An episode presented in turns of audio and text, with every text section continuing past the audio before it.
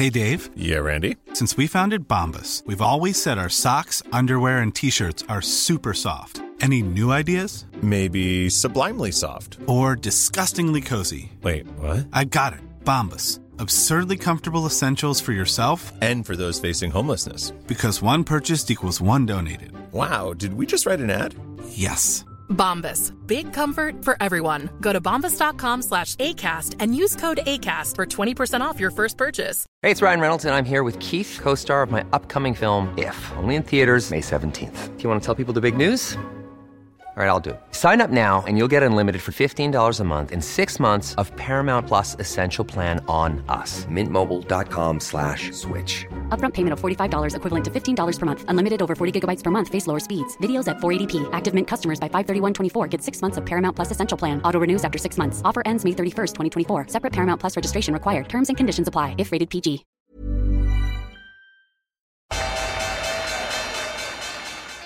They mistook leverage for genius. Leverage for genius. I would recommend Japan.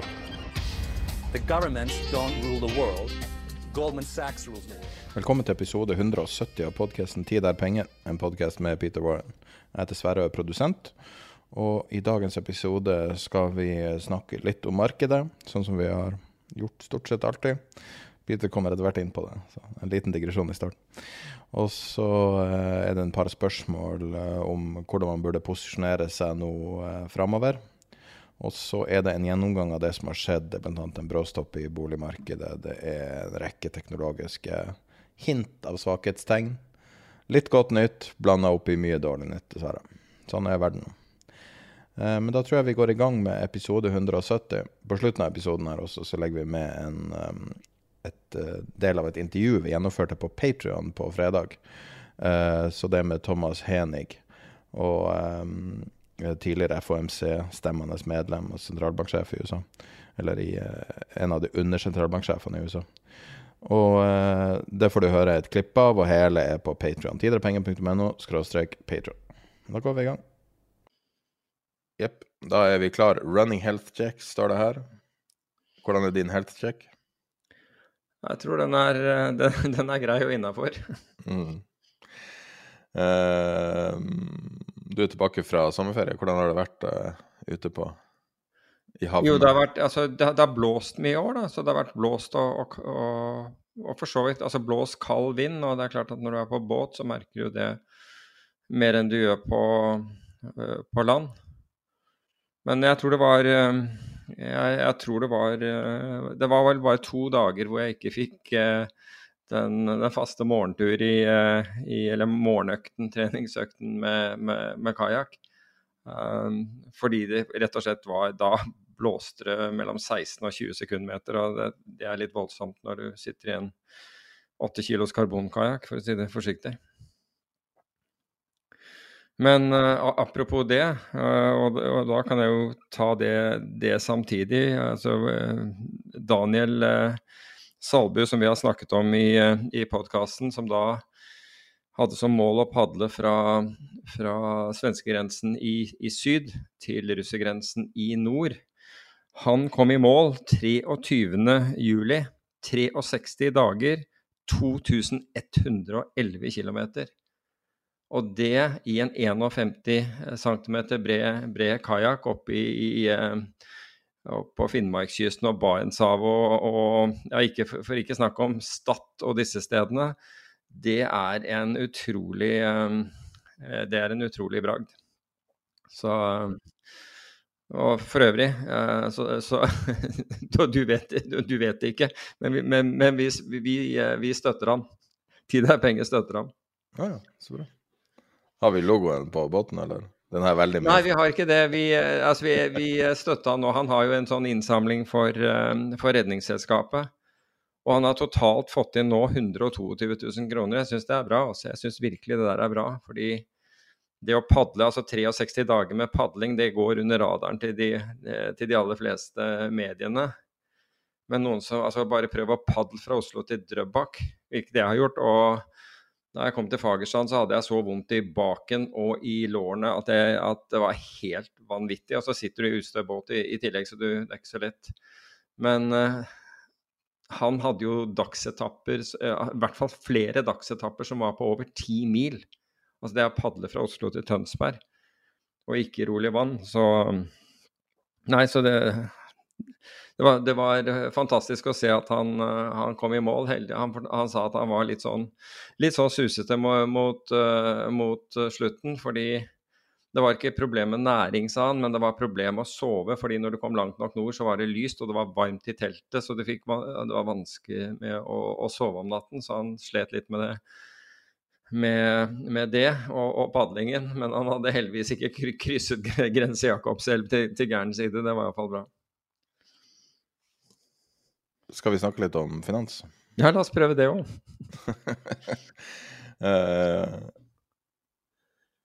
det er ganske dølt marked. Jeg, jeg, jeg, jeg, satt og, gjennom hele uka og skulle forberede episoden og uh, jobbe med, med, markedsrelaterte ting og research og, ja, og bare være liksom, på en måte oppdatert. Og, og, det som slår meg, er at nyhetsbildet er veldig Det er veldig mye som skjer makroøkonomisk som er interessant. Veldig mye kriger som blusser opp i øst og vest, og, og mye konflikter rundt omkring. Det er mye, mye munnhuggeri i Norge om, eh, om eh, strømpriser, som nå virkelig har nådd kokepunktet. Og så ser du markedene er så døll. Og enda mer døll er investeringsbankresearchen som kommer fra, fra, Goldman Sachs og de andre. Og jeg, jeg satt og tenkte på hva er årsaken til det, og, og, det som for meg da er utrolig kjedelig, er at nå er basically vi tilbake til all research omhandler det samme, som er skal Fed gjøre det, eller skal de ikke gjøre det? Hva enn det er. og, og, det er jo utrolig uinteressant å lese fra en researcher, for det kan jo hvem som helst sitte og gjette sjøl. Og, og, vi er virkelig kommet tilbake i den der verden nå, altså. Der Fed er alt. Vi hadde en liten periode der markedet var markedet, men nå er det tilbake der Fed er alt igjen. Er det en ny runde med QE og alt sammen? Er det det vi bare ser sakte konturene av? Jeg tror det er det markedet håper på, og jeg tror markedet tar feil. Um, jeg, jeg, tror at uh, altså den recency bias, altså nettopp det at vi har hatt QE i så mange år, at man, man tror at, at investorer er vernet. Og Hvis vi ser på det som foregår i øyeblikket, da, med, det er krig og uro altså Det er krig eh, da i Ukraina, i Ukraina, men det er samtidig mye politisk og, og altså geopolitisk spenning andre steder. Vi ser enkelte tilløp i, eh, eh, i, i Midtøsten. Vi ser utslag av IS. Vi ser trusler mot Nancy Pelosis fly, som antageligvis i øyeblikket er, er i luften mellom, mellom USA og, og Asia. Um, det er så mange ting, og, og, som du påpekte i går kveld, da, at, uh, at uh, det har dratt seg til mellom Serbia og, og Kosovo, i, i, nord i Kosovo, fordi serberne vil ikke godta at de må vise uh, identitetspapirer når de krysser grensen inn til Kosovo, som da serberne forlanger av av innbyggerne i Kosovo hvis de skal til, til, Serbia. Du vil jo tro at en sånn grensekontroll var helt, uh, var helt lik på begge sider, når, når man, men det, det, ønsket ikke serberne. Så du ser på en måte at det drar seg til. Og hvem er serbernes liksom, nærmeste allierte, om du vil? Jo, det er det i hvert fall var det. Sannsynligvis også er, er Russland. Så du, du begynner å se liksom, forskjellige ting skje der ute som jeg tenker at man skal være oppmerksom på. Og så har de jo selvfølgelig det derre at juli var en god måned, så nå er det nå er det sånn bull, bull, bull overalt. Liksom folk er, er eh, Syns at det er, det er tingen. Men når vi da ser på altså Hva var det som gikk kraftigst opp i, eh, i, i juli? Jo, det var, det var eh, gasspriser i Storbritannia. Det gikk opp med 106 Nordisk Kraft gikk, opp, gikk da opp altså for, for, levering i Q4, altså fjerde kvartal, opp med 41% prisen på. Europeisk gass steg med 50% og så kommer du ned til sånne ting som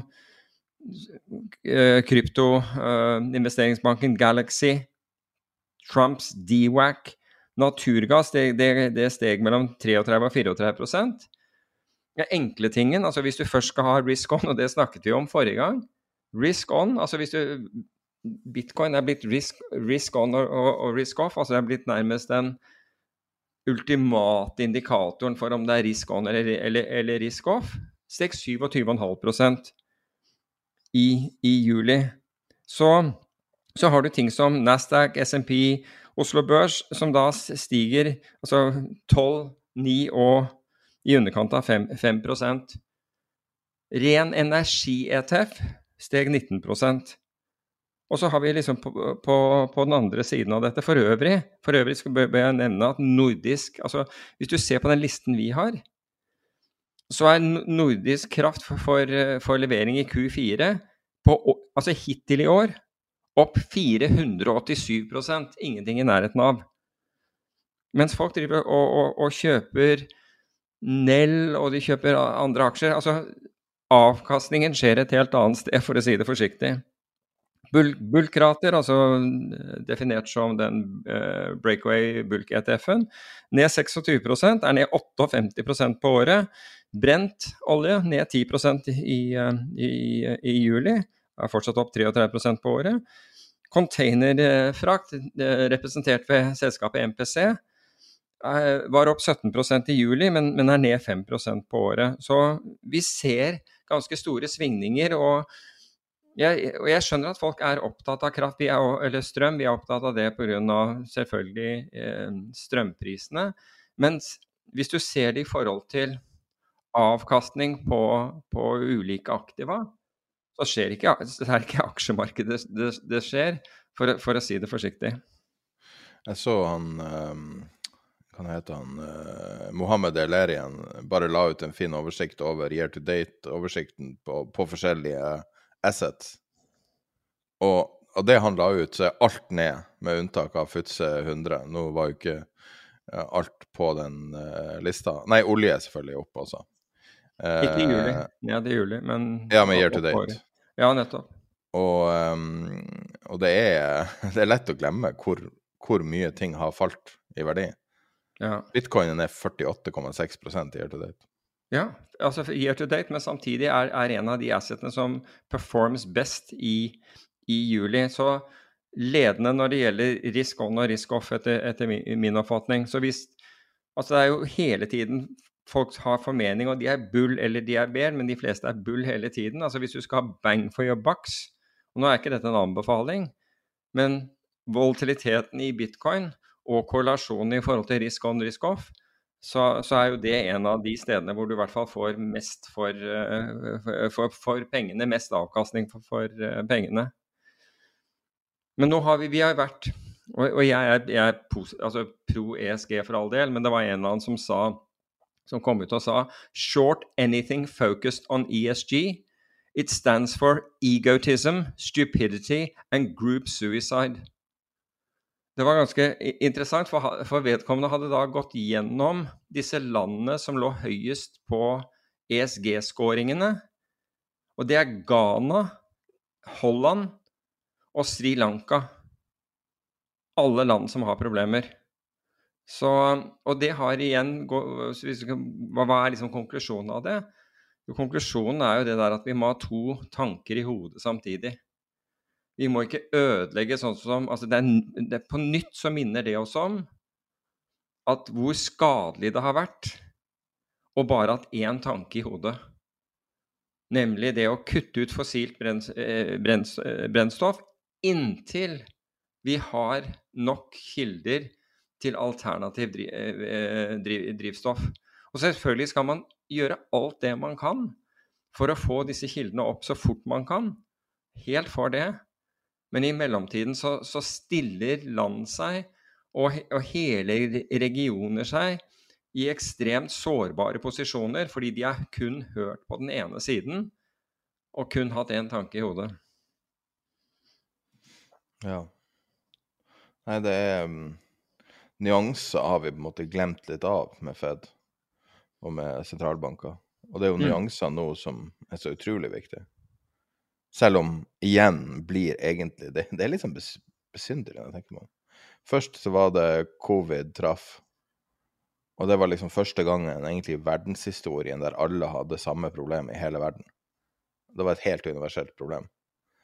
Men nå har vi det strømproblemet og alt, og det er jo ganske universelt, det også. Ja. Ja, vi, ja, ja absolutt. Um, det rammer jo overalt, egentlig.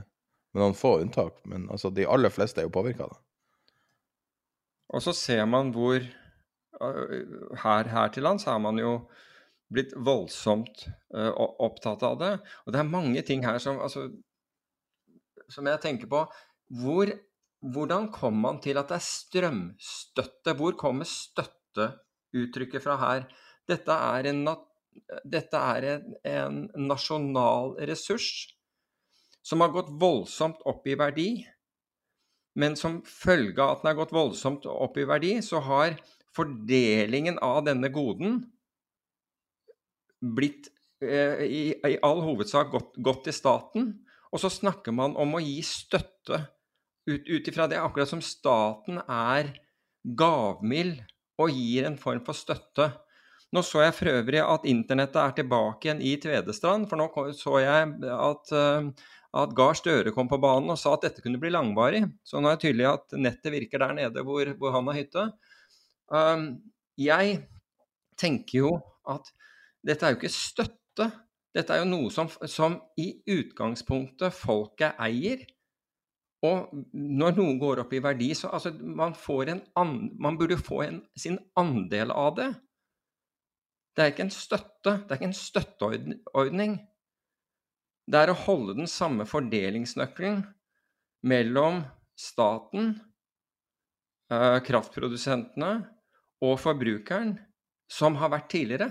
Det er, egentlig det det er snakk om. Hadde vi gjort det, så hadde det ikke vært noe problem overhodet. Men det er det at man har endret fordelingsnøkkelen. Og da, og den lidende part her, er innbyggerne.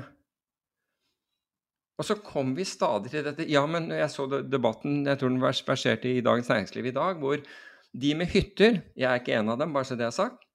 De med hytter, Det var helt riktig at ikke de fikk, ikke de fikk og her går vi igjen på dette uttrykket, strømstøtte. Hvorfor ikke det? Nei, fordi da det, det maner til økt eh, forbruk. Har du hørt den debatten om, om du, eh, vi kan ikke ha priser på ett og to øre nord for Sognefjorden, nord for, eh, nord, nord for, for Dovre? Hvor strømprisen er Jeg hører ikke noen klage på at folk der bruker vesentlig mer strøm nå. Så hvor, altså den, Det er så mange sånne debatter som ikke har rot i virkeligheten. Det er akkurat som fordi du, fordi du har adgang til strøm. Ja, det kan hende at du, du ønsker å ha boligen din og ha 17-18 grader i, bo, i, boligen din istedenfor 15. Ja, er det Altså Ja. Men det minner meg litt om Vinmonopolet. Jeg vet du hvordan Vinmonopolet ble til? Nei, jeg gjør ikke det.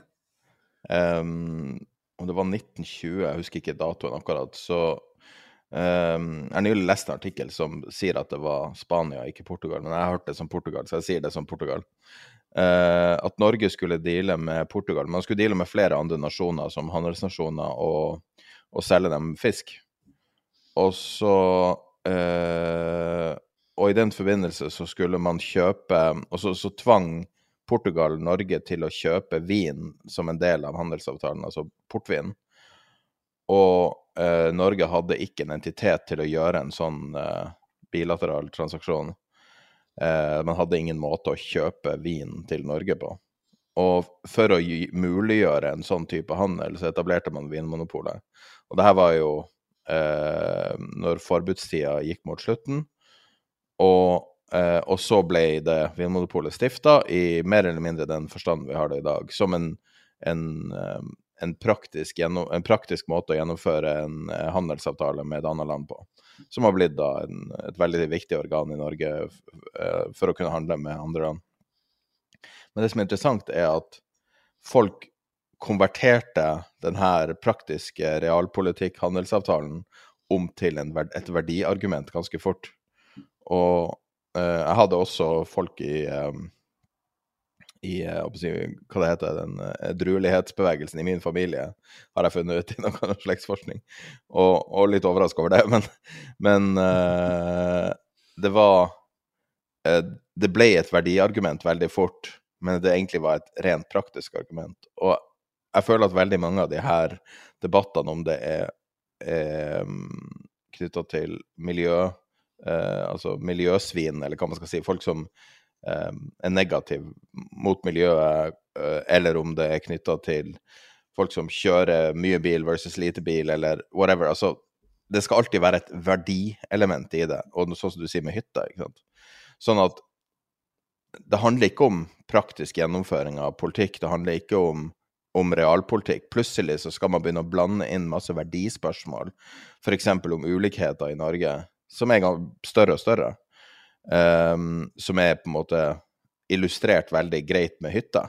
Hytter med varmekabler i gulvet er på en måte den beste illustrasjonen av ulikhet i landet, når du ser folk som ikke har råd til mat på den andre sida.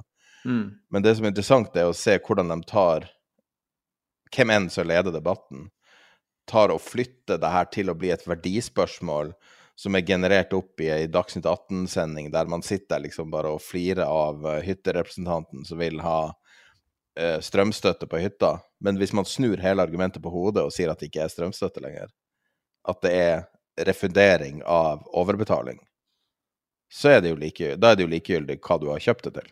Mm. Men det er det at man begynner å si nei, men samtidig som man skal gi strømstøtte, skal du også prøve å påvirke folks oppførsel, som er verditilnærminga til det samme. Og så ender man opp med eh, at man putter sin egen politikk inn i en veldig praktisk situasjon, og så begynner kranglinga. Men altså, og, og, roten er, og nå har vi jo Nå var det jo Ola Borten Moe som i rett før helgen, eller i helgen, sa at hadde hadde politikerne fått riktig informasjon, så hadde de aldri undertegnet på, det, på denne på avtalen om, om, utenlandskabler. Det er en interessant um, ting at du sier. Så du på Facebook-gruppa der det er noen som hadde delt et innlegg som var selve signaturen? Ja, jeg så Og der det. står det det Der står det at det kan omgjøres. Ja, hvis det er endrer seg, hvis forutsetningen endrer seg vesentlig. Nettopp. Betyr det at man kan omgjøre hele Altså, ja, det, det, det, er det som står i, den, i, som står i avtalen. Men det som er interessant her altså Én ting er at Sintef uh, totalt bomma. Og så sier man ja, men det kom kriger, og det kom og det gasspriser steg og alt mulig sånn. Ja, men altså hvis, hvis verden skulle være den samme altså Hvis forutsetningen var at verden skulle være helt statisk, hvorfor trengte man å betale Sintef for noe som helst da? Da hadde du ikke hatt behov for å gjøre det engang. Men poenget er at de så da tydeligvis ikke for seg effekten av noen form for geopolitisk uh, usikkerhet, og hva det kunne medføre. Um, så, så, dette må jo være det makkverket fra helvete. Fordi det er det for de, de, de fleste. Og så sier da politikerne at nei, de, at vi tenkte ikke selv, vi.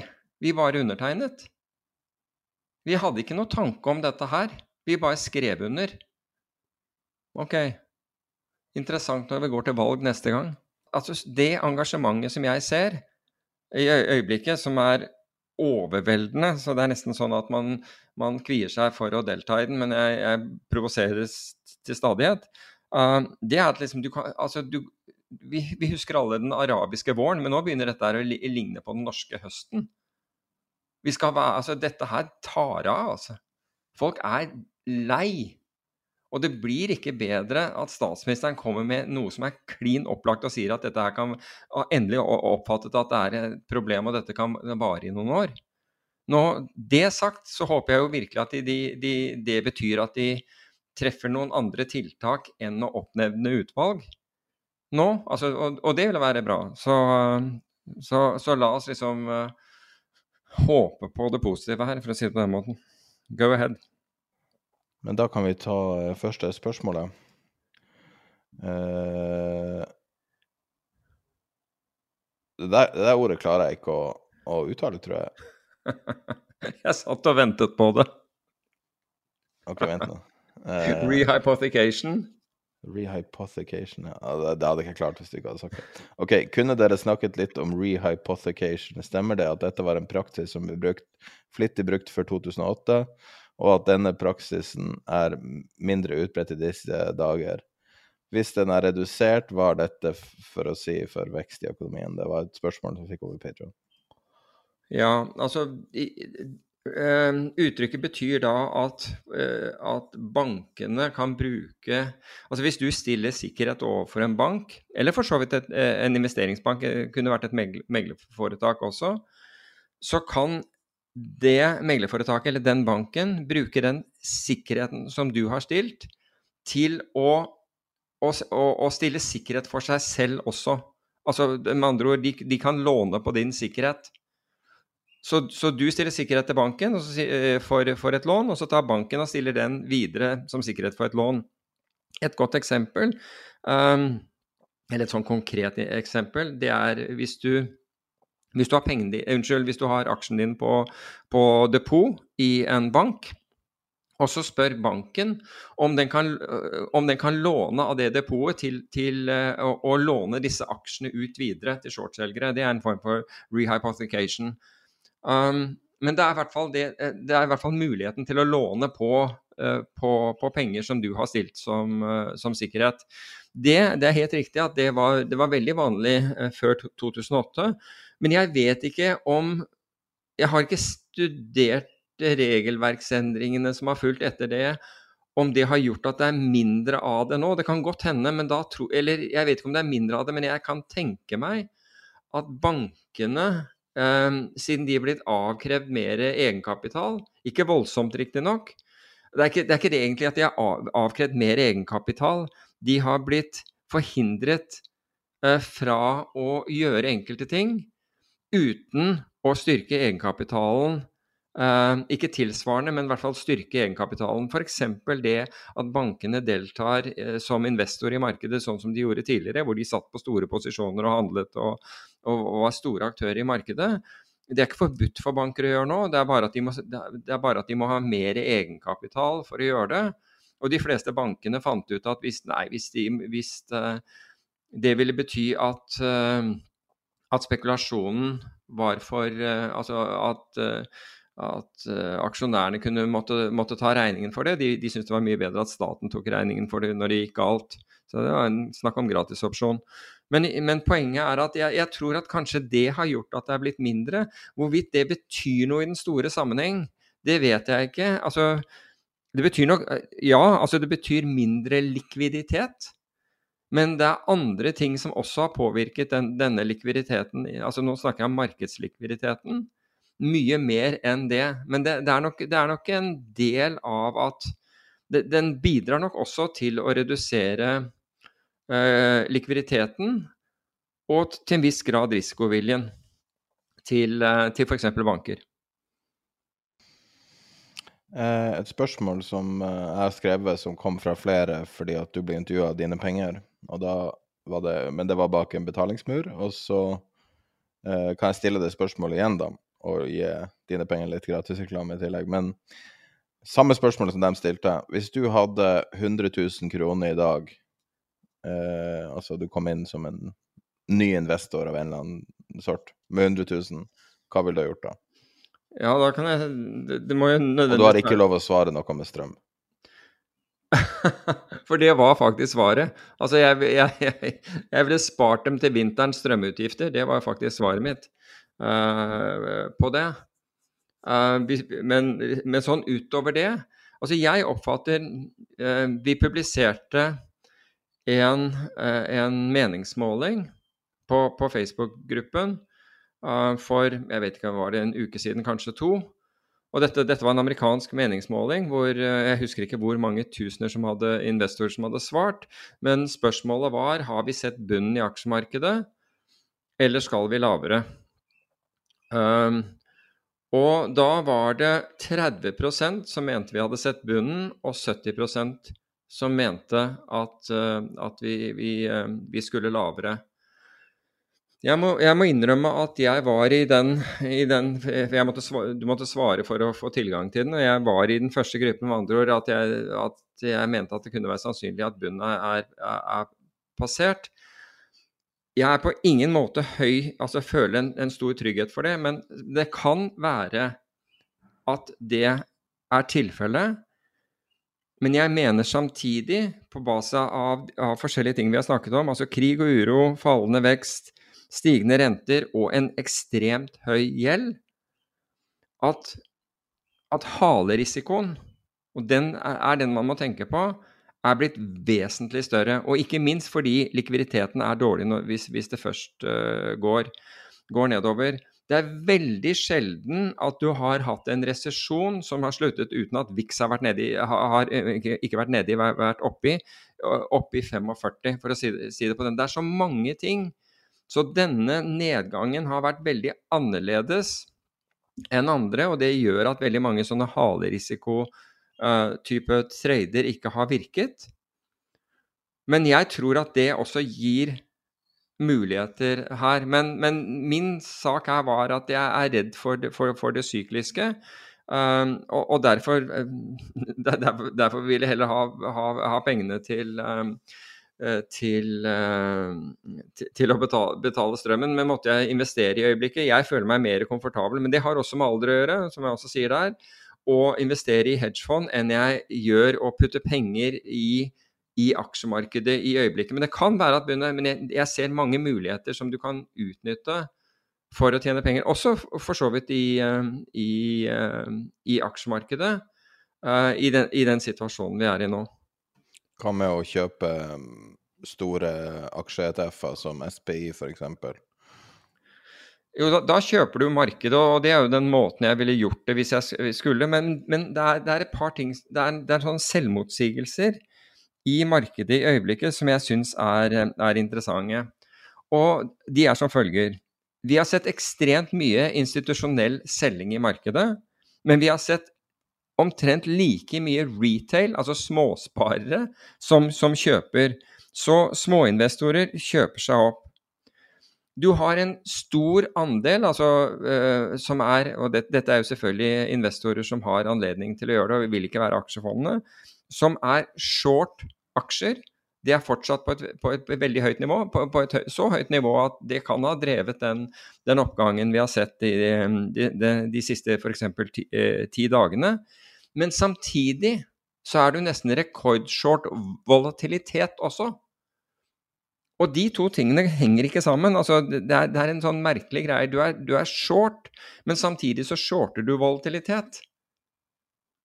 Det, normalt sett så ville det være som å ødelegge det ene med det andre, andre du gjorde, fordi hvis aksjer faller, så normalt sett så vil volatiliteten stige.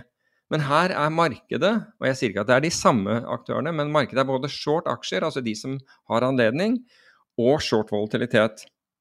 Det som jeg syns er, er mer sånn fornuftig i dette her, og det er at vi har sett short-inndekking i, i, i, i, statsobligasjoner, altså først, og fremst amerikanske, som jeg, eh, som jeg følger.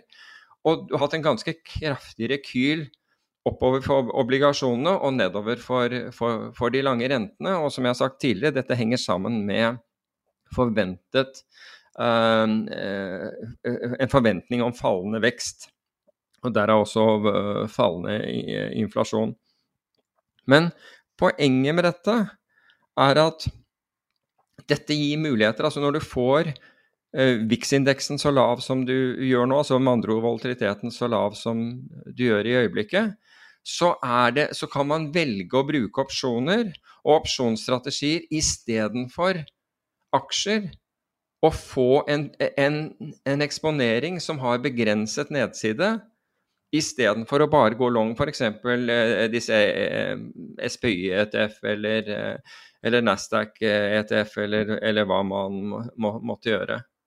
Så, så dette har åpnet et vindu for egentlig for, for, å kunne gjøre ting mye billigere enn det vi vanligvis ville ha sett.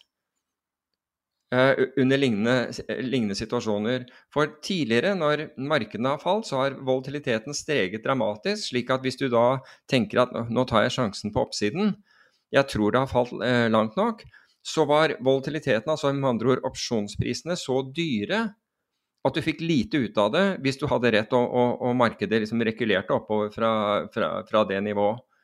Men nå er faktisk eh, prisene lave på, på, opsjoner, slik at du kan få en, en, en veldig god avkastning på, på disse hvis du, hvis du, så ønsker. Du kan få billig beskyttelse til nedsiden, og du kan få billig participation, hva heter det? Altså du, at du kan være med på oppsiden hvis, du, hvis, du er, hvis, det er den veien du vil være.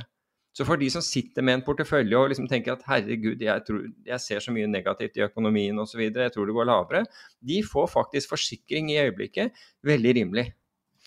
Apropos det, får jeg lov å foreslå en mulig trade? Ja, kom igjen. ARK. Jeg tenker bare på mest ekstreme risken. Så hvis du ser på Goldman har nettopp i helga sendt ut en analyse eh, fra eh, altså prime-avdelinga, altså dem som eh, prime-broker til hedgefond. Mm. Eh, og i den analysen sier de at IT, altså tech i USA, eh, blant sine kunder er eh, veldig shorta. høyeste nivået på lang, lang tid. og, og det har jo vært riktig frem til nylig, ikke sant? Nei, altså nå er det Det piker nå. Mm, ja, ja. Og spørsmålet da mange stiller seg, er er det her en potensiell eh, eh, potensiell eh, indikator som du kan bruke for å gå long eh, ITA? Nettopp fordi at det er mulig for at de blir skvisa ut. Ja, du, du, kan jo ta den sjansen, men som sagt, jeg vil heller ta den sjansen igjen gjennom eh, opsjonskombinasjoner eller opsjoner, enn jeg vil ta den, eh, ta den, outright. Og hva er forskjellen? Jo, forskjellen hvis jeg tar den outright og jeg tar feil, og f.eks. Nasdaq som har vært ned nesten 30% skulle falle 50, 60, 70 eller 80 som den gjorde eh, i, i uh, .com, så blir jeg ikke Altså hvis jeg har gjort den lineært, altså gjennom å kjøpe trippel Q eller et eller annet sånt, så vil jeg være med hele veien ned hvis jeg, en, hvis jeg da ikke har en stopplås. Mens hvis jeg har gjort det gjennom opsjoner, så blir smerten borte på det. Jeg taper den premien jeg har betalt, and that's it. Og hvis du tenker nå at altså ferien er, er, der fortsatt, folk er fortsatt litt sånn i feriemodus, og mange er fortsatt på ferie. altså Ønsker jeg å ha store riskposisjoner mens jeg er mens jeg ikke har, har, har, tilgang til markedet? For min del, nei, fordi jeg ville være ukomfortabel med, med liksom hva jeg kom tilbake til, eller plutselig så noe, så er jeg langt vekk fra, fra noe. Så, men så sånn vil jeg tenke. Og du kan gjøre altså, rene opsjonskombinasjoner med å kjøpe f.eks. En, en kjøpsopsjon og utstede en på, på, en, på, et høy, på et høyere nivå som da du ikke betaler margin for. Du, du, du, betaler bare differansen i premie mellom den du kjøper og den du utsteder. Og så har du Det er risikoen din to, eh, totalt sett. Så jeg, jeg syns at uh, den situasjonen vi er i nå, har Altså den, den, er jo på mange måter selvmotsigende. altså Det jeg snakket om short, short av aksjer, men samtidig short av vold. En annen er, hvis du ser på Uh, hvis du ser på high yield CDS-en i USA, altså den som uh, altså credit default swap, som da uh, du, altså, du, kjøper for å ha beskyttelse mot, mot konkurs, altså i selskaper som har utstedt obligasjoner, den er, den er, nær rekordhøy, mens VIX-en har stått stille. Så tenk deg de to, to tingene. altså Prøve å, å forklare hva forskjellen er. Altså Hvis du tenker at at aksjer er den mest risikable delen av en bedrifts kapitalstruktur. Og så har du selskapsobligasjoner, er, er noe mindre eh, risikable. High yield er den mest risikable av selskapsobligasjonene, men er ikke like risikabel som aksjer. Så det vi nå ser, er at den går, går til værs. Altså folk skal virkelig beskytte seg mot, mot konkurs i, i, på, på obligasjonen deres. Mens de som sitter med aksjer, der har, der har kostnaden på, på å, å, forsikre seg falt i samme tidsrom. de to tingene henger ikke helt sammen. Altså det, det, er selvmotsigende ting, akkurat på samme måten som at du har en rekordshort på aksjer, samtidig som, som det er nær rekordshort på, på volatilitet. Så, så, disse tingene er faktisk altså sånn matematisk sett veldig interessante. Altså, er du litt sånn nerdete opptatt av, av, av, markedene på dette nivået, så er disse tingene veldig interessante. Altså rett og slett sånne selvmotsigelser. Fordi her, her kan man kanskje finne, altså lage posisjoner som tjener på at rett og slett en konvergering mellom disse to. Så, så jeg ville gjort Altså jeg ville posisjonert meg gjennom opsjoner.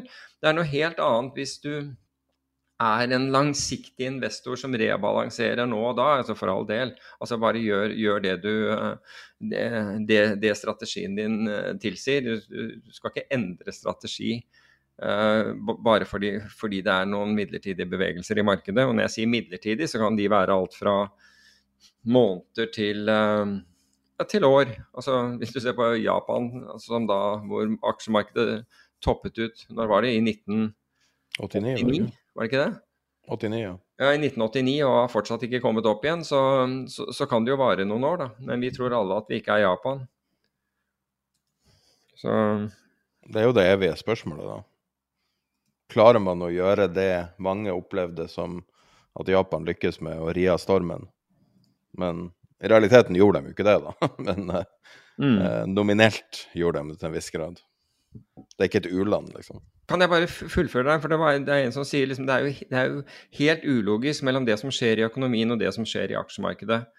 Og da må jeg bare si at økonomien, altså økonomi har sjelden vært en god predikator for aksjemarkedet.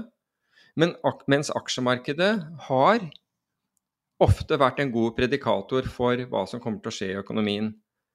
Og det vi har sett nå, er jo da fallende aksjemarkeder og nå ser vi at økonomien kommer etter, og så kan, de, kan man krangle så mye man bare gidder om, om, at USA, om USA er i en resesjon allerede, altså to negative kvartaler med, med, vekst. Men siden vi har definert det som to negative kvartaler, så er de høyst sannsynligvis det. Europa eh, det samme. Men dessverre er det slik Så aksjemarkedet har på en måte forutsett dette. Og hva er det vi ser nå? Jo, det vi ser nå er en rekyl i aksjemarkedet. Jeg vet ikke om den rekylen er, er vedvarende eller ikke, om vi har sett bunnen som, som, på en måte jeg tippet. Men, men er, altså føler meg ikke altså jeg, jeg ser veldig mange, uh, mange, ting som kan endre, endre det bildet. Så, så, tilliten min er, er lav uh, til, til, til, en uh, sånn prognose.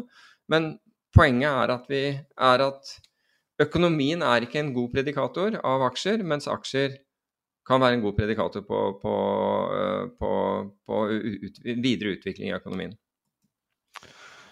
Um, det er Vi skal bare ta noen punkter som har skjedd den siste uka, som kan være interessant. Uh, det virker å være en litt Vi har snakka om det de siste par ukene, da, men en aldri så liten bråstopp i det amerikanske boligmarkedet. Det er ikke så veldig vanskelig å skjønne hvordan eh, både høye fastrente og flytende rente påvirker folk sine ønsker om å kjøpe bolig. Men, Men, det er ikke bare en eh, bråstopp. Median, median eh, Jeg så det, det, dette i ja, Hvilke da, økonomiske tidsskrifter var det? Det var amerikansk. Der er median, medianhuset er ned, er ned 12% de siste to månedene. Ja, og årsakene til det er jo i praksis at folk ikke kommer på visning lenger. Um, og kanselleringen av nybygg er også skutt i været. Pulte Group, en av de største utbyggerne, uh, sa rett omtrent akkurat når vi fullførte forrige episode, at uh, kanselleringen hadde tikka veldig opp, sa de til Bloomberg. Og um, i tillegg så Altså nesten uansett hvordan parameter du bruker på boligmarkedet i USA, så er det um, uh, så er det tegn på at det snur veldig. Og vi har jo en uh, i Norge, Ingen. en lytter som driver og tracker uh, boligmarkedet for oss. og han har funnet en måte å analysere um, Finn-data. Og jeg har vært og sett han la ut noe nylig at det er et litt tegn til at ting har stoppa i Norge. Men jeg ser ikke et like tydelig bråstopptegn sånn som det man ser i USA. Nå kan det jo være at vi har mindre data, sånn at det er vanskeligere for oss å bedømme. Men uh, det ser ikke Selv om markedet i Norge sannsynligvis har endra seg ganske mye, både med liggetid og, og antall budgivere og sånn, så ser det ikke ut som at det er full bråstopp i Norge. Men, men, det var som en lytter sa, at, uh, at, hvis jeg først tror det går til helvete, så skal jeg i hvert fall la det gå til helvete på, på, på første klasse. Um, og, og, for å dra inn noe, noe positivt, ikke uh, altså ut av det. Det ble ifølge, igjen ifølge Jeg tror det var Dagens Næringsliv, men kan være et annet sted. Uh, da annonsert, eller på Finn, en 200 kvadratmeter leilighet på, på, Frogner, som da ble kuppet etter 20 minutter, tror jeg det var, eller noe sånt, etter at annonsen var ute, for 29,7 millioner. Så um, Så du kan si at uh, det virker ikke Altså, i high end-markedet Altså hvor uh, antagelig markedet for de, for de, rikeste, så er det helt klart at der har det, har det i hvert fall ikke vært noe brems. Ja. Men skal, skal eh, høyere rente slå inn? Ja, det skal de, det. Men det er jo et cash-marked som normalt sett burde det være det, i hvert fall. ja, ja, nettopp. Altså, det er jo en, er en logisk eh, sammenheng mellom, eh, mellom de, de, to. Så du, eh, apropos ting som skjedde rundt forrige episode, Walmart guider ned mm. for framtida. Altså, det her er da en Det er ganske low end, egentlig, Walmart. Det er jo, det er jo billige varer. Og det at de nå mener at folk ikke har råd til, til mat, til ting eh, Jeg tar det som et ganske bearish tegn, altså. Ja. Altså, ja. tenker jeg, Når du studerer makroøkonomi på universitetet, så lærer du deg jo hvordan folk oppfører seg under resesjoner osv. En av de tingene du gjør, er at du bytter ut eh, luksusvarer eller merkevarer med, eh, med basice varer, fordi at mat må mm. du ha uansett. Og når da de basice varene går på en smell, for jeg vet ikke om det er så mye under Walmart, det er vel kanskje et segment under Walmart, men det er ikke sånn helt Ja, Target og sånn er vel kanskje under, under der, men uh... I så fall marginalt. Kmart, ja, kanskje. Kanskje. Det, altså det er tydelig at det, altså det har jo slått inn Du ser jo det, eh, rapportene fra Europa også. Det har, jo, det har jo slått inn. altså er Norge en enklave i verden, en sånn økonomisk enklave som er usårbar i forhold til uh, internasjonal økonomi? Nei, er svaret på det. Men midlertidig kan det være det. Midlertidig kan det være det. Og så kan man håpe at den der i midlertiden, altså, i midlertiden så Eller midlertidig, så, så, så skjer det noe positivt. Ellers så la en rekke store selskaper frem tall i forrige uke. Jeg noterte med både Google og Microsoft eh, eh, presenterte sine tall. Og selv om at eh, de her selskapene er jo uberproff på alle måter, og, og veldig sjelden at de gjør store tabber, men jeg merka meg at det var hint av svakhet i tallene. Bitte liten miss Altså I stedet for uh, ofte de her selskapene bruker å konstruere opp at de slår, uh, at de slår estimatene. Og, men en ting som merker meg med de her cloud-providerne, er at du ser ikke tendenser til den der eksplosive veksten i cloud som vi har sett i lang, lang tid nå. Eh, det er litt vanskelig å bedømme hvor bra det går der, men du, av det jeg har sett, så så er det noe som jeg ville ha fulgt opp mer. Uh, for det, det er jo en god indikator på uh, forskjellige um, selskaper som kutter kostnader. ikke sant? Det er jo det det, det er jo en ren kostnad å, å bruke AWS eller Google Cloud eller, mm. eller andre. Microsoft Asher. Uh, så selv om det er et utgangspunkt et dølt tema for de fleste å tenke datalagring, det kan ikke være så attraktivt. Men for Amazon f.eks. så er det jo hele deres business egentlig er jo uh, er jo uh, server. Og uh, jeg, jeg, vil ikke kalle det en svakhet, men det er en oppmykning i tallene. i hvert fall. Det har vært så bunnsolid, og det har vært en sånn vekstmaskin. Så uh, det er definitivt et bearish, et bearish indikator på markedet. Mm. Samtidig så tenker jeg at hvis dette her er en Hvis vi er i en brytningstid altså da, da, blir gjerne, da blir det jo gjerne en omstokk. Altså Da stokker man om, om kortene ofte, og da fins det muligheter. Da fins det gode, gode, muligheter for altså nå, nå, ser man at det er langt mer fokus på, på verdien i selskapet. Det er vanskelig å få ut, eh, få ut uh, uh, få introdusert nye selskaper, vanskelig å få, få attrahert investorer. Men de gode, de gode kommer til å få penger.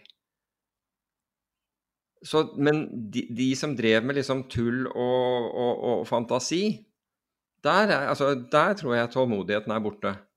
Ja, du kan si de gode, men det er ikke alltid like lett å, å se hva som er gode selskaper. Se på Shopify, som er en motor for den siste e-commerce-bølgen vi har sett rulle over verden, drevet av uh, Facebook og Instagram-reklamer. Og Shopify er vel en av de aller største taperne i år, ned 75 mm. i år. Og nå har de kutta 10% av eh, ansatte. Uh, som jeg syns virker lite, med tanke på hvor mye deres business har blitt vingeklipt.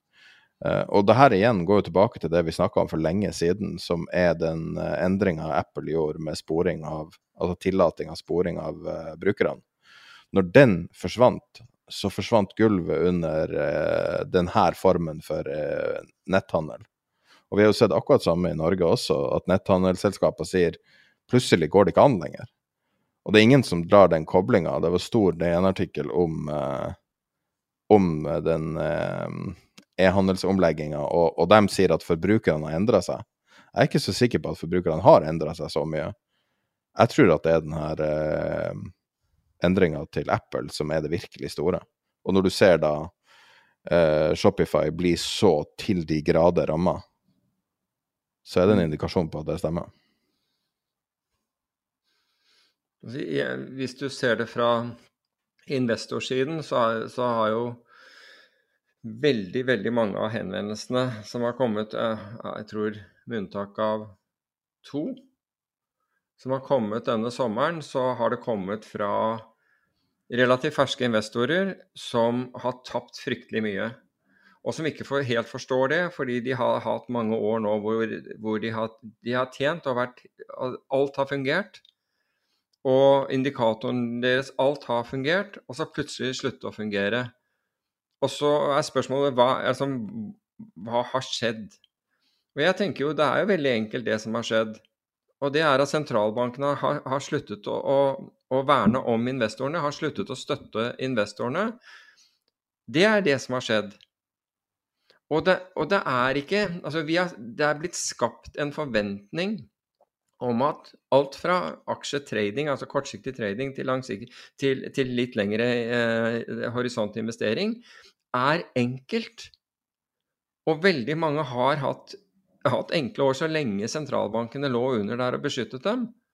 Og så nå, nå er det ikke beskyttelse. Og jeg, jeg, skjønner at det er utrolig fortvilende å ha tapt store deler og nær alt det du har liksom brukt mange år på å tjene inn. Det er forferdelig. Det kjennes helt grusomt ut. Men snu det til lærdom. Snu den, den, erfaringen man har gjort, og den kan være smertelig, men snu det heller til lærdom. For det første så minsker det smerten, fordi da lærdom det er det per definisjon har en verdi i seg selv. Og se hva du kunne gjort bedre og annerledes. Og, og jeg tror veldig mye av, av svaret ligger der. fordi hadde det vært enkelt altså Hvis du ser på tradere altså nå, Jeg har jo lest disse Jack Schwager-bøkene. Uh, og, og, men jeg kan enda ikke huske at det har vært noen sånne wonder kids der. Altså noen som har kommet inn av de som er, han har eh, intervjuet, altså av, uh, av suksessrike tradere, som kom inn og, og slo han ut av parken med en gang og har siden aldri liksom sett tilbake. De aller fleste har brukt ganske lang tid. Noen har brukt tiår uten å gi seg.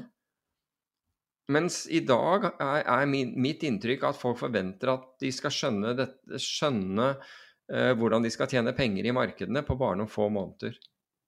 Hva de sier at det tar 20 år å bli en overnight success? Ja. det er veldig bra. Ja, for eksempel. Men det fins folk som konsekvent knock it out of the park. Det fins enkelte, og en av dem er Vladimir Putin. I 2010 så var han på en konferanse, og da sa han til eh, Jeg vet ikke om Da var det britiske forretningsmenn i salen, og så holdt han et innlegg. Og da sa han at, eh, at han foreslo at de burde eh, fyre med eh, ved hvis de ikke har tenkt å erstatte atomkraftverkene. Altså tenkt å bygge nye atomkraftverk. Og så sier han at uh, I, don't, I cannot understand what fuel you will take for heating. You do not want gas, you do not develop the nuclear power industry, so you will have to heat with firewood, Putin then noted. You will have to go to Siberia to buy the firewood there, as Europeans don't even have firewood. Hmm. Snakk om en person som har sett det her komme lenge. Det her var i 2010. Ja.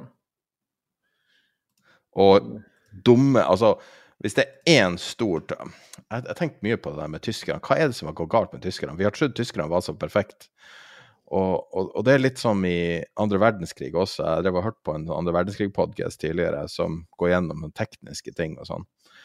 Og i den Det er to sånne eksperter på et sånn skremmende nivå om andre verdenskrig. Og, og dem, britisk vel å merke, da, så, og de er på en måte ganske fast bestemt på at tyskerne ikke var så teknologisk framifra da. At det var en del tilfeldigheter som gjorde at tyskerne lyktes i starten av andre verdenskrig. Okay. Og at det her på en måte tysk sånn uh, uh, ingeniørkunst og tysk perfeksjon og, og, alt det som på en måte man har lært uh, siden, egentlig. tyske bilmerker og tyske fabrikker og alt. Så ser man at de hadde en skitten hemmelighet, og det var billig russisk gass. De hadde en dealer som de måtte forholde seg til, og de måtte akseptere. Og så nå ser vi jo og så har vi jo liksom aldri stussa over det forholdet mellom Russland og, og Tyskland, som tilsynelatende er veldig tett, som har gjort det mulig for russerne å holde på sånn som de har gjort. For Tyskland er jo i praksis EU. Mm. Og nå trenger ikke russerne tyskerne lenger. I hvert fall ikke i like stor grad. Og så ser du at Tyskland ligger og vader rundt, og da er det tilbake til det der Warren Buffett-sitatet at når tidevannet går inn, så ser du Nei, tidevannet går, går ut. så ser du hvem som har svømt naken. Ja. Og for meg så syns jeg det ser ut som at Tyskland har svømt naken. Ja, i, i hvert fall i, i, forhold til uh, i, forhold til å gjøre seg helt avhengig av russisk gass, så har de opplagt, det, opplagt gjort det. Det er jo ja, det er en tra tragedie, men det er en tragedie som nå også rammer oss. Uh, det, det, er ikke noe mer å si om det. Det er den som på en måte bestemmer bestemmer uh, hvor bra vi har det. Apropos Fordi... tragedie. Uh, vi snakker jo ikke så veldig mye egentlig om enkeltselskaper, egentlig. Men et selskap som kan være verdt å snakke litt om, er Coinbase. Der mye har gått galt i det siste. Mm. Først var det jo han eh, han ansatte som har drevet med innsidehandel om eh, coiner som skulle bli tatt opp, eller token skulle bli tatt opp. Ja, og, ja, og, og han, ble, han ble Han er tiltalt, han er vel ikke straffet ennå, er han det? Tiltalt, ja. Ja, nettopp. Jeg, og tenk deg det, altså, jeg trodde ikke det engang du kunne bli det, at det ville være ansett som det i krypto, men det er interessant å se at det, at det, at det virker slik. Og eh, Coinbase har jo åpna opp for eh, eh, når du kritiserer krypto eller andre, egentlig, det er veldig vanlig, så er det veldig vanlig å bringe inn Dogecoin og andre mm. eh, på en måte det vitseelementet fra kryptoverden. Og, og, og, så er det lett å på en måte eh, ta alle under én kam. Men til en viss grad kan man jo skylde på Coinbase, som har introdusert de her til sitt mer seriøse marked. Og, eh, og deres krig med det amerikanske finanstilsynet, SEC, har jo også vært ganske besynderlig, da. Og, og at de eh, Spørs hvor eh, Altså, om, om, de er så seriøse som vi kanskje har trodd inntil nå. Jeg, jeg begynner å stille spørsmål med det. Og mange, mange stiller selvfølgelig spørsmål det, er ikke noe unikt der. Men deres kamp med SEC er ikke et positivt tegn. Nei, men det, men det, kan jo være bra å se hva som kommer ut av det uansett. Men nå er jo ikke altså Coinbase er vel en sånn mer retail Selv om de har Coinbase Pro, så er det vel en mer sånn retail-aktig uh, uh, plattform. Og ikke blant de, de, de store plattformene i, uh, så, som, i verden, altså som er Binance og FTX og Kraken og husker jeg ikke Det er to til. I, i farten Gemini er det det, og så er det vel en til. Uh, som, som hvor, det, hvor, all, hvor, egentlig handelen foregår. Men, det er interessant å se, og det er også interessant å se at, man, at SEC tar, tar, grep der. Ja, jeg syns det er veldig viktig. Og uh, er det Andreessen Horowitz som ligger bak uh, Nå husker jeg ikke Coinbase? Altså, ARK er jo store investorer, selvfølgelig. Ja, det vet jeg. Det vet Jeg at de er. Jeg aner ikke om Andreessen Horowitz Har ikke de vært borti det meste? Jo, jeg syns Andreason Horowitz Men jeg så for øvrig at det var, det var kommet inn bare fire Det var, var, et voldsomt beløp som hadde kommet inn nå til, til tegning i, i, i, forskjellige sånne Var det fire var 400 Nei, det kan ikke ha vært så mye. Det kan ikke vært 400 milliarder. Det var noe så helt vanvittig beløp som hadde kommet inn nå i løpet av sommeren. Så de fortsetter å kunne hente inn penger, men jeg, altså, det betyr ikke ethvert kryptoselskap, for all del, men uh, jeg bare syns det var verdt å nevne det med Coinbase, altså, fordi at de store Triple A-merkevarene, at dem er i trøbbel, er et problem. Ja, nå er jo de børsnotert også, Coinbase. Det er sikkert, det er sikkert egentlig det som, eh, som trigget ting. Altså, trigget SEC også, at, at de hadde jurisdiksjon. Ja. Men jeg har, ikke, jeg har, ikke, lest noe at Coinbase på noen måte har, har noen økonomiske problemer eller problemer med å med å, å, å gjøre vekslinger fra krypto til, til Fiat-valutaer, for, for, for, så vidt. Nei, absolutt ikke, men det mener jeg at når ethvert selskap går i kamp med SEC, så er det et red flag generelt. Men har de gått i kamp, altså? Eller, jeg, De ligger nå i en strid med SEC. Å, gjør de? Og, jeg, fordi og... jeg trodde at altså, han karen som, eh, som da angivelig har gjort innsidehandel, han er jo tiltalt av SEC, så det ligger jo for så vidt ikke noe kamp i det, men du, du Nei, altså utover, utover okay. det. Mm -hmm. Men alle, uh, altså apropos det, det er jo veldig Altså, hva heter uh, Grayscale, alle disse her ligger jo i kamp med SEC, fordi de ikke får Altså SEC uh, ikke klarer ikke å fatte avgjørelser og, og bare forlenger ting og, og, søknader. Og, så det er jo mange som ligger egentlig i kamp innenfor, innenfor kryptosfæren med, med SEC. Ja. Men jeg mistenker at ting kommer til å bli lista ganske Nei, kommer til å bli regulert ganske snart nå, altså. Spesielt ting som er tokens, der man i praksis eh, bare kaller eierskap for token. Ja, og, og, at man gjør det uregulert. Ja, altså, jeg, jeg, jeg, ser ikke, jeg, ser ikke, noen grunn til at man ikke skulle uh, kunne gjøre det. og Det, det tror jeg sikkert er en trygghet for, uh, for mange. Men, men, tokens brukes jo, altså som vi har nevnt tidligere. Uh, JP, JP, Morgan, BNP Paris, altså de handler tokens seg imellom. Uh, som, eh, og tokens representerer da beholdning av, eh, av, amerikanske statsobligasjoner. Så det er ikke som, som det ikke er eh, anvendt, anvendelse av, av, disse tingene. Men mener, man rister jo på hodet ja, Det kan man jo. Eh, eh, I frykt for å irritere på meg en del kryptofolk, så kom jeg over en blogger som virker å være relativt nøytral, men definitivt en, kanskje en skeptiker, men ikke helt ekstrem. Um, som uh, skulle prøve å finne et kryptoprosjekt som Eller uh, blockchain-prosjekt som genuint funka i verden. Altså noe som ikke bare funka for å trade mer i krypto eller noe sånt. Og så prøvde han å bare finne oversikt over prosjektet. Han gikk ganske sånn overfladisk til verks for å finne dem, og så finne liksom folk som hadde lista opp ting som var use caser for blockchain. Og så gikk han gjennom og analyserte det som en Så jeg blir å legge med det, eh, den analysen hans i nyhetsbrevet. Og um, hvis du er pro krypto, så kommer du til å hate det. Hvis du hater krypto, kommer du til å elske det. Eh, sannheten, Objektive sannheter ligger vel litt mellom de to. Det er vanskelig å vite hvor biased han er i utgangspunktet, men eh, det interessante var da at han klarte kun å finne ett eh, blokkjedeprosjekt som var hadde en signifikant use case i den virkelige verden. Yes. Mersk det hevder jo at deres har det. Uh, Mersk, det jo, altså Han vurderte Mersk som en av dem. ja, uh, og det er jo Ja, så, så det blir jo litt mer hans vurdering enn Mersk sin, da, antageligvis. Men uh, Han sier, her er det han sier med Mersk, Uh, at the, the platform seems to work, is used by customers, and they seem to be using a hyperledger internally. The problem arises when you look at what the blockchain actually does. Uh, virtually every component in the system is gated by an IBM.com login. There are multiple disconnected blockchains with nodes operated by only a few participants. Nodes can only be accessed to APIs. Men det, det han prøver å si her, er at eh, i praksis så høres det ut som at blockchain er mer en merkevare for et logist logistikkprosjekt.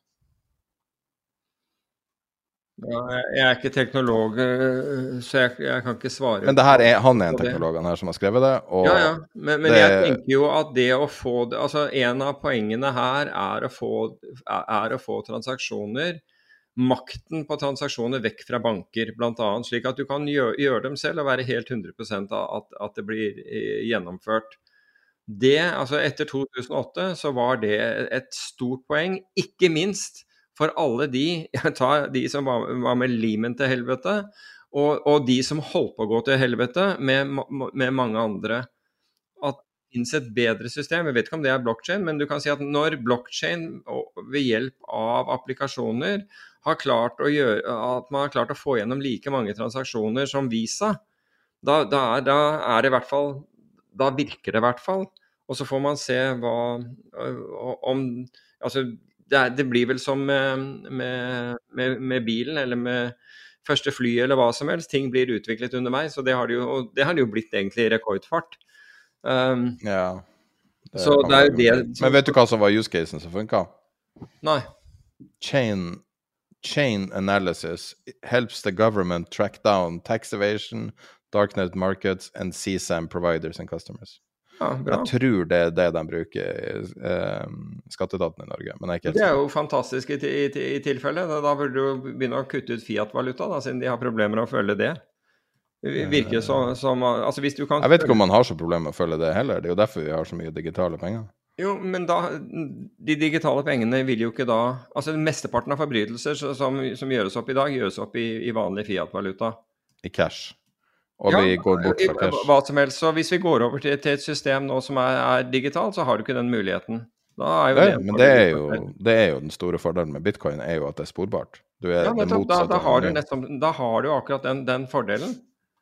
Og da kan ikke folk gjemme, gjemme unna transaksjoner på, på dark web og, og, og, og alt dette her. Det vil jo være en stor fordel.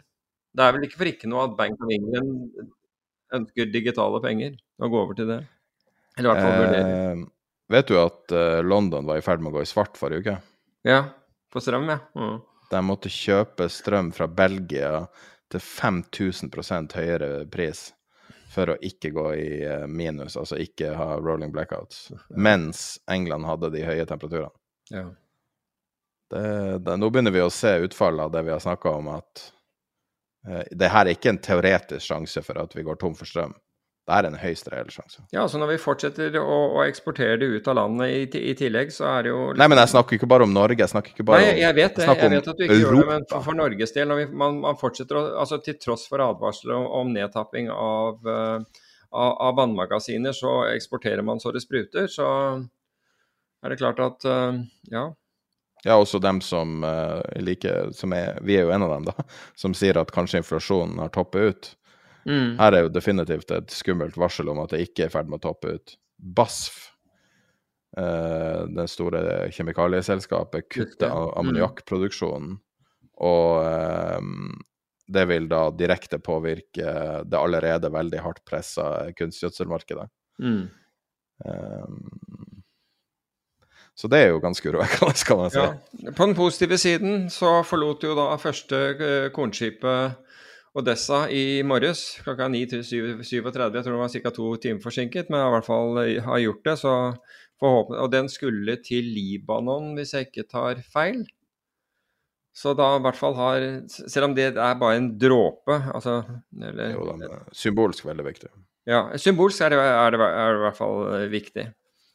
Men nå er det et par minutter til markedet åpner, så jeg tenkte vi kunne runde av med noen tall om strøm i Norge som jeg hadde bare vært og sett på. Kan jeg ta dagens sitat, bare fordi det, kom, det, det er laget av en kar som kommer til Norge i september? Kjør på. Never listen to a leftist who doesn't give away his fortune. Det er sagt av Nasim Taleb, og så kan man da tenke på, på hvem det er som styrer dette landet, og, og, og hvilke, hvilke, formuer de, de, noen av dem sitter på. Det er interessant. Du kan jo også se på, du kan også se på det jeg la til en enke til på Jeg la til et alternativ. ja. Ja, Ditt alternativ er alltid spør en megler hvor mye de selv har kjøpt av produktet de pusher. Og Det er jo sant, det skal man alltid gjøre. Og det syns jeg man alltid skal gjøre. Det gjelder en forvalter, hvem som helst. Hvor mye har de kjøpt selv? Hvis dette er en kjempeidé, hvor mye har de kjøpt av det selv? Men avslutningsvis nå, uh, før uh, vi, uh, vi, avslutter denne uka, så tenkte jeg skulle bare ta en kjapp gjennomgang av strømeksporten siste uke. Jeg har ikke sett noen ta tak i nøyaktige tall og alt sånn, så jeg har gjort det for, siden forrige episode.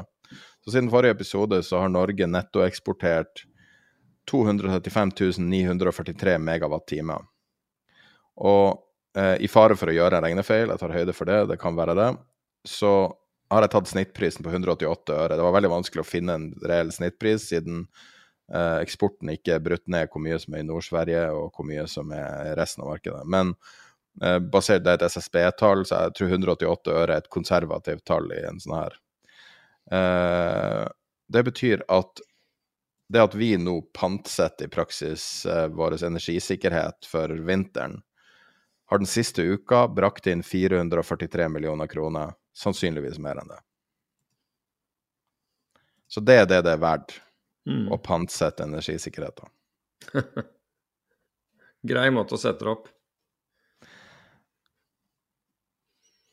Og det, vi kommer til å fortsette å trekke eksporten hver uke, hvor mye som er eksportert. Og, eh, og da en av grunnene til at det her er relevant, er jo det at som jeg skrev i en blogg for, forrige uke, at blant bl.a. får vi ikke importert nok via Sverige, som gjør at vi ikke at vi får sånn ulikhet i norske priser. Vi kommer til å trekke det her på et så faktuelt måte som mulig fremover.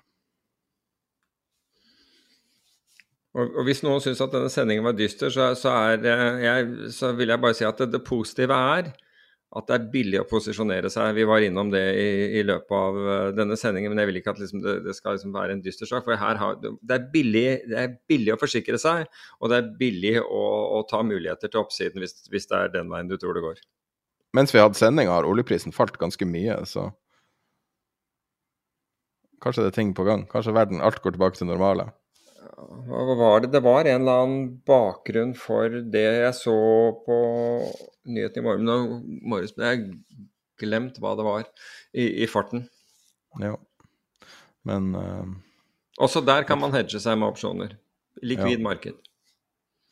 Men Supert. Men da vi, avslutter vi denne episoden med et klipp fra fredagens intervju vi hadde med den tidligere sentralbanksjefen og stemmende FOMC-medlem Thomas Henig utrolig interessant eh, refleksjon over uh, hva som skjer i uh, USA. Og, og hva som skjer pedagogisk. I, ja, så det her er et lite klipp av det. Hele klippet og det intervjuet og alle andre ting vi lager utover vanlige episoder, legges ut på vår Patrion-kanal. Så tidapenger.no Patrion. Men da er vi tilbake om ei uke, og hvis vi har noe å komme i mellomtida, så kommer det på Patrion. Does the Fed? I mean, I, I know I asked you a similar question last time, but but it still kind of baffles me a little bit.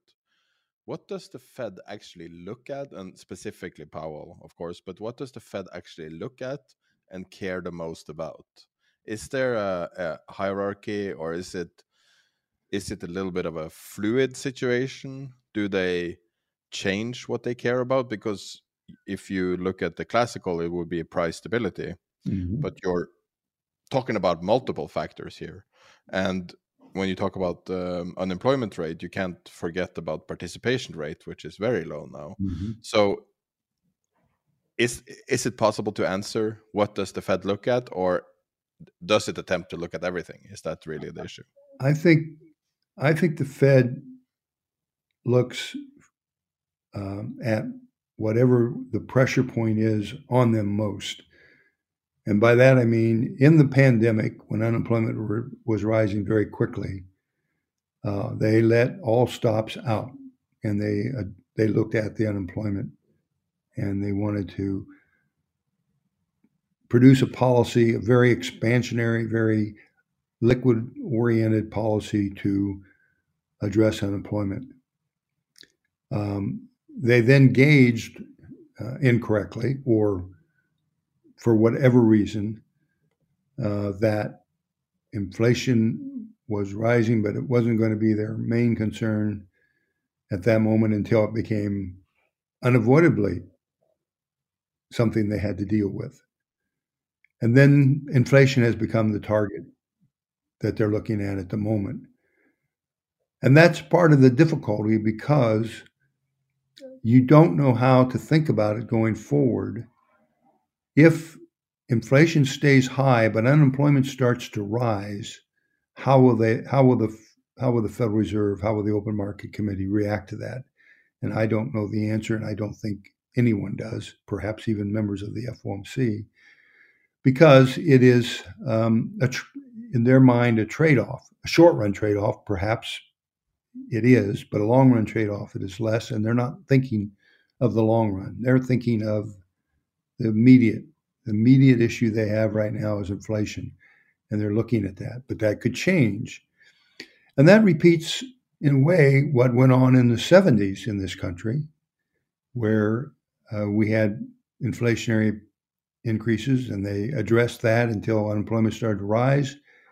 and they backed off the economy improved, but inflation started to rise, so they raised rates, and then the economy slowed, unemployment started to rise, and so they lowered rates.